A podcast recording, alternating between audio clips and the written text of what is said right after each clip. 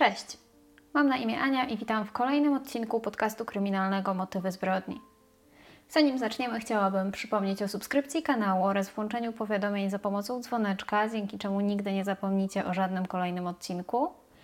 Oraz zachęcam Was gorąco do dołączenia do grupy na Facebooku, gdzie dzielę się z Wami zdjęciami do każdej sprawy, oczywiście jeżeli takie są gdzieś dostępne, ale zawsze coś tam staram się dla Was znaleźć. A także dzielę się materiałami, z których korzystałam, tworząc dany odcinek, oraz zachęcam Was do, do rozmów, do dyskusji na temat e, omawianych spraw, na temat takich, które chcielibyście zobaczyć i być może na temat tego, co aktualnie dzieje się w Polsce ze spraw kryminalnych. Nieraz e, rozmawialiśmy już o zaginięciu na tym kanale. Najczęściej jest to zaginięcie jednej osoby. Czasami zdarza się, że giną dwie osoby, tak jak w przypadku Anny i Ernestyny w Tatrach. Jednak dużo rzadziej, ale także zdarza się, że ginie cała rodzina. I na tym kanale były już omawiane takie sprawy, choćby z Polski czy z Francji. Ale dzisiaj czas na kolejny odcinek na temat sprawy, gdzie nagle giną wszyscy. Dzisiaj przeniesiemy się do Niemiec, a właściwie do północnej części tego kraju. Na przedmieściach Hamburga leży niewielka miejscowość o nazwie Drage, która liczy jakieś 5 tysięcy mieszkańców. Miejscowość rozciąga się wokół rzeki Łaby. To właśnie w tej miejscowości mieszka 43-letnia Sylwia oraz 41-letni Marco Schulz. Para wzięła ślub w 2007 roku, jednak e, mieli już dziecko. Ich córeczka przyszła na świat w 2003 roku i miała na imię Miriam.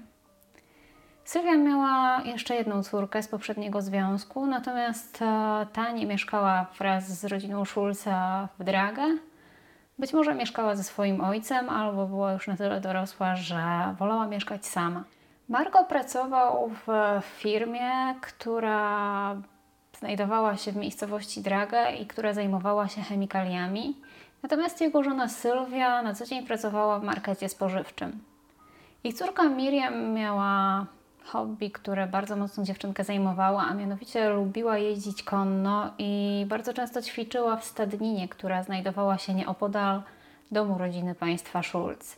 Jej ojciec Marko czasami podejmował się jakichś drobnych prac w tej właśnie stadninie, aby móc sobie dorobić jakieś drobne pieniądze na utrzymanie swojej rodziny. I wszyscy, którzy znali Marko, Miriam, Sylwię, ponieważ rodzina często tam, tam przychodziła, żeby podziwiać, jakie postępy robi ich córka, uważali, że Marko był e, bardzo dobrym, bardzo dbającym i kochającym ojcem. 21 lipca 2015 roku rodzina Schulz wybiera się na tą właśnie wyżej wspomnianą stadninę koni. Idą tam wszyscy, idzie Sylwia, Marko i ich córka Miriam. Najprawdopodobniej dlatego, że Miriam chciała pojeździć konno tego dnia, a być może jej rodzice chcieli obserwować, jakie postępy robi ich córka. Być może chcieli popatrzeć, jak dobrze jej idzie jazda konno. Tego nie wiadomo. Wiadomo jednak, że był to ostatni dzień i ostatni raz, kiedy rodzina była widziana razem poza domem. Kolejny dzień, 16 lipca 2015 roku, to ostatni dzień, kiedy dzieci idą do szkoły w Niemczech i wakacje mają się zacząć. Atmosfera w powietrzu jest bardzo pozytywna, pogoda jest ładna. Jednak dla 12-letniej Miriam ten dzień nie jest najlepszy, ponieważ dziewczynka z powodu choroby nie jest w stanie iść do szkoły po raz ostatni w tym roku szkolnym i spędzić ostatniego dnia ze swoimi przyjaciółmi. Miriam nie jest zadowolona z takiego obrotu sprawy, ponieważ chciała iść do szkoły, jednak jej tata stara się zrobić wszystko, aby poprawić swojej córce nastrój. Tego dnia Marko ma wolne, więc jest w stanie zostać ze swoją córką w domu i dbać o nią, aby miała trochę lepszy humor. Natomiast jej mama Sylwia tego dnia musi jechać rano do pracy. I tutaj część źródeł się różni, ponieważ jedne mówią, że rodzice dziewczynki poinformowali szkołę 22 lipca rano o tym, że, że nie będzie jej tego dnia w szkole. Natomiast inne źródła mówią, że Miriam od około tygodnia nie pojawiła się w szkole i tutaj nie jestem pewna, które mają rację, chociaż bardziej skłaniałabym się ku tym źródłom, które mówią, że był to tylko jeden dzień. Istotna jest też informacja, że na tego dnia, właśnie 22 lipca, Miriam miała zaplanowaną wizytę u lekarza. Sylwia, czyli mama Miriam, żona Marko, była widziana tego dnia przez swoją współpracownicę w sklepie spożywczym, w którym pracowała. I około godziny 13.45 Sylwia dostała wiadomość SMS od swojego męża, z której wynikało, że ich córka Miriam czuje się dużo gorzej i mąż prosił ją o to, aby ta wróciła wcześniej z pracy.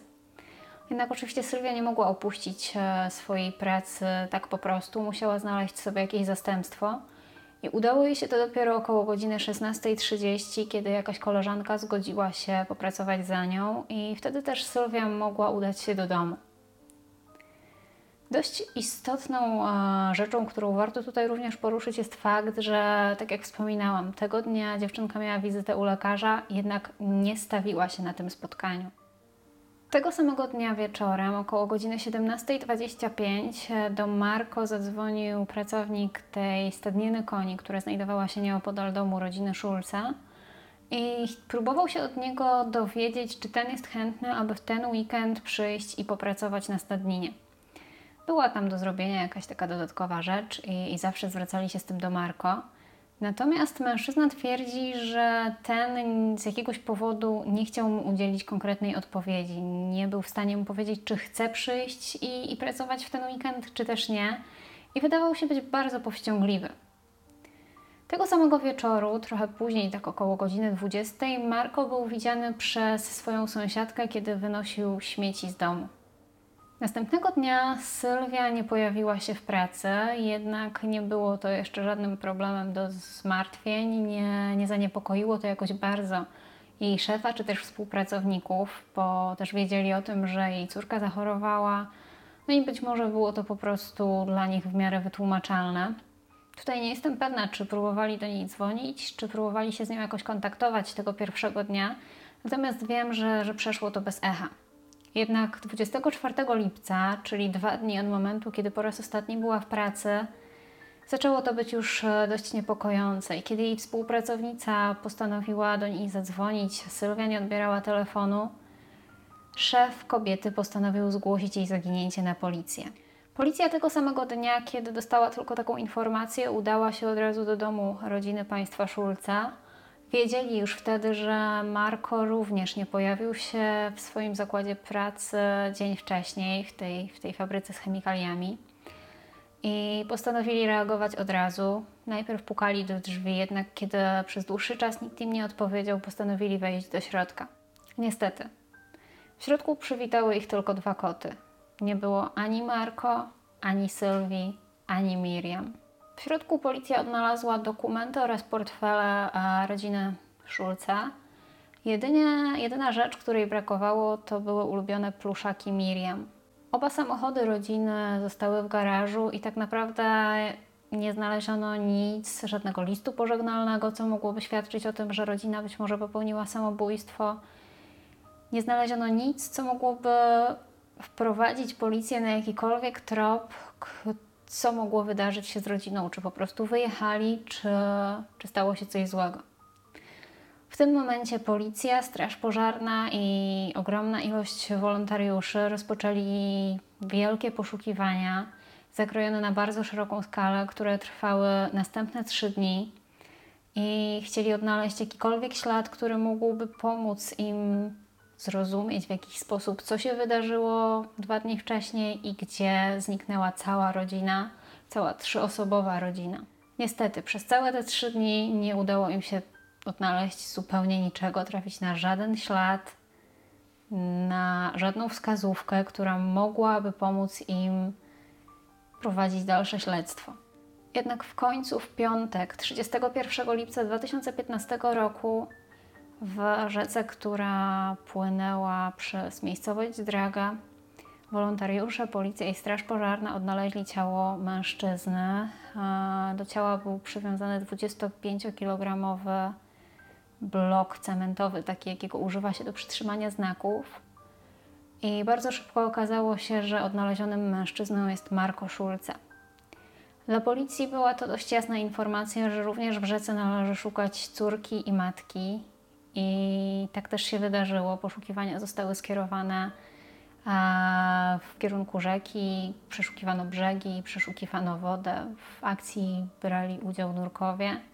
Jednak ani śladu Miriam, ani śladu Sylwii. Natomiast co ciekawe, udało się odnaleźć rower Sylwii, który został e, porzucony niedaleko mostu i policja twierdziła, że właśnie z tego mostu najprawdopodobniej skoczył Marko. Z racji tego, w jaki sposób znaleziono Marko, z racji tego 25-kilogramowego e, cementowego bloku i tego, jak był on przyczepiony, a był on przyczepiony do, do mężczyzny za pomocą takich przemysłowych taśm, które również zostały znalezione na rowerze, Policja uznała, że najprawdopodobniej było to samobójstwo. I, no i tutaj te argumenty dość mocno za tym przemawiają. W trakcie śledztwa udało się policji odtworzyć ostatni dzień z życia rodziny państwa Schulz. Według informacji, które udało się pozyskać od świadków, 22 lipca 2015 roku Sylwii około godziny 6.30 wyszła z domu do, poblisko, do pobliskiego sklepu spożywczego, aby kupić chleb na śniadanie. O 6.50 sąsiedzi widzieli całą rodzinę przy stole jedzącą właśnie to śniadanie. O 7.20 Marko bierze samochód swojej żony Sylwii i udaje się nim w kierunku pobliskiego miasteczka. Jednak już 10 minut później jest widziany na drodze powrotnej. Do dzisiaj nie wiadomo w jakim celu mężczyzna urządził sobie tą poranną przejażdżkę. Następnie o godzinie 7.40 Sylwia wykonuje telefon z domu do lekarza, z którym tego dnia była umówiona na wizytę jej córka i odwołuje tę wizytę. Miała się ona odbyć o godzinie 10.15, jednak no, z niewiadomych przyczyn matka Miriam postanowiła tę wizytę odwołać i nigdy ona się nie odbyła. O godzinie 8.15 Sylwia dzwoni do szkoły Miriam i informuje ich o tym, że córka tego dnia nie pojawi się w szkole w związku ze złym samopoczuciem. Około 10 Sylwia jest widziana, kiedy opuszcza swój dom, wsiada do samochodu i udaje się do miejsca swojej pracy, a sklep, w którym pracowała, był oddalony od ich domu jakieś 12 kilometrów. Następnie o godzinie 16.15 Sylwia wraca do domu, a świadczy o tym e, fakt, że właśnie o tej godzinie telefon kobiety połączył się z domową siecią Wi-Fi. Jeden ze świadków przesłuchiwanych w sprawie twierdzi, że między godziną 18 a 20, tutaj policja bardziej skłania się co do godziny 18, a rodzina Szulce była widziana niedaleko takich stawów, które były oddalone od miejsca ich zamieszkania o jakieś 40 km. Nie ma tutaj dokładnych informacji, czy aby na pewno była to rodzina Szulce, natomiast była to trzyosobowa rodzina. I świadek, który, który zeznawał w tej sprawie, był wtedy tam na miejscu bądź przechodził nieopodal i twierdzi, że słyszał głos kobiety, który krzyczał coś w stylu oszalałeś oraz głos małej dziewczynki, która krzyczała nie, tato, przestań.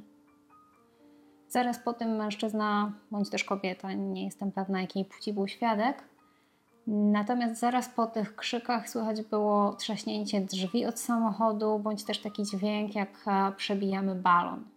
Wiadomo także, że o 19.04 do domu państwa Szulce dzwonił dziadek Miriam, jednak nikogo w tym domu nie było i telefon nie został odebrany. Natomiast o godzinie 19.35 Marko oddzwonił do mężczyzny, tłumacząc, że ani Sylwia, ani Miriam nie mogą podejść do telefonu, bo już o tej porze śpią. Co wydaje się dość wczesną porą, jak na sen, jednak pamiętajmy, że Miriam była chora, więc możliwe, że poszła spać wcześniej, a mama jakoś tam była z nią w pokoju. Około godziny 20, tak jak już wspominałam, Marko był widziany przez sąsiadkę wyrzucając śmieci. Natomiast o godzinie 20.58 telefon Marko zostaje odłączony od domowego Wi-Fi, co może świadczyć o tym, że mężczyzna opuścił dom. Następnego dnia o godzinie 7.30 Marko jest widziany w swoim samochodzie wracając e, w kierunku swojego domu. Co się stało dalej, to tak naprawdę już tylko domysły, bo nie mamy tutaj żadnych informacji aż do 24 lipca, kiedy rozpoczęły się poszukiwania rodziny. Policja bardzo mocno wierzy w to, że Marko miał coś wspólnego z zaginięciem swojej żony i córki i że coś mogło wydarzyć się wtedy nad stawem. Natomiast po przeszukaniu terenu, e, który był opisywany przez świadka, niczego nie znaleziono, więc tak naprawdę nie było tutaj żadnego punktu zaczepienia. Nie zgadzały się także zupełnie odległości i, i takie momenty czasowe, ponieważ Marko prowadził dwie rozmowy telefoniczne ze swojego domu o godzinie 17.25 oraz o godzinie 19.35. I tutaj, a, aby dojechać na ten staw, który był oddalony od ich domu o 40 km, co zajmowało około 40 minut, w tą i z powrotem, co mamy już praktycznie dwie godziny. Natomiast e, Mar Marko musiałby wsiąść też trochę czasu na to, aby pozbyć się swojej rodziny, zatrzeć wszelkie ślady i wrócić do tego domu na czas, co naprawdę mogłoby być bardzo trudne do wykonania w tak krótkim czasie. Jest też inna teoria, która mówi o tym, że Sylwia postanowiła zostawić swojego męża i wyjechała wraz z córką, jednak tutaj nie zgadza się zupełnie co innego. Dlaczego Sylwia miałaby zupełnie zerwać kontakt ze swoją całą rodziną i nigdy się do nich nie odezwać, nigdy nie odezwać się także do swojej drugiej córki? Tutaj to nie do końca się skleja, chociaż zostawiła też wszystkie swoje rzeczy, zostawiła swój samochód. Więc jest naprawdę niewiele, niewiele jest naprawdę niewiele rzeczy, które przemawiają za tą teorią. W jednym z niemieckich programów telewizyjnych wypowiedziała się na temat zaginięcia swojej matki i siostry 25-letnia córka Sylwii, ta córka z poprzedniego związku. A, no i młoda kobieta bardzo mocno wierzy w to, że to Marko stoi za zaginięciem jej matki i siostry. Twierdzi, że w ich związku ostatnio nie układało się zbyt dobrze, że Sylwia chciała odejść od swojego męża Mówi także o tym, że w ostatnim czasie Marko miał problemy z alkoholem, stracił także prawo jazdy za, za jazdę właśnie pod wpływem alkoholu. W związku z tym stracił również jedną ze swoich prac, która polegała na tym, że był kierowcą jakiegoś samochodu. I, i bardzo źle to też na niego wpłynęło. A dziewczyna sugeruje również, że jeżeli Marko pracował w fabryce z chemikaliami, to doskonale wiedział, w jaki sposób zatrzeć wszelkie ślady, aby nigdy jej matka i jej siostra nie zostały odnalezione. I to właściwie jest już wszystko na temat tej sprawy, ponieważ Miriam i Sylwia do dzisiaj nie zostały odnalezione, nikt nigdy ich nie widział i być może ta sprawa nigdy nie zostanie rozwiązana. Dajcie znać, czy kiedykolwiek słyszeliście o zaginięciu rodziny Schulz, a czy taka sprawa Wam się podobała. Jeżeli tak, to pamiętajcie o zostawieniu łapek w górę, które są bardzo pomocne dla, dla zasięgów tych filmów. I kochani, dbajcie o siebie, dbajcie o swoich bliskich i mam nadzieję, że do zobaczenia za tydzień. Cześć!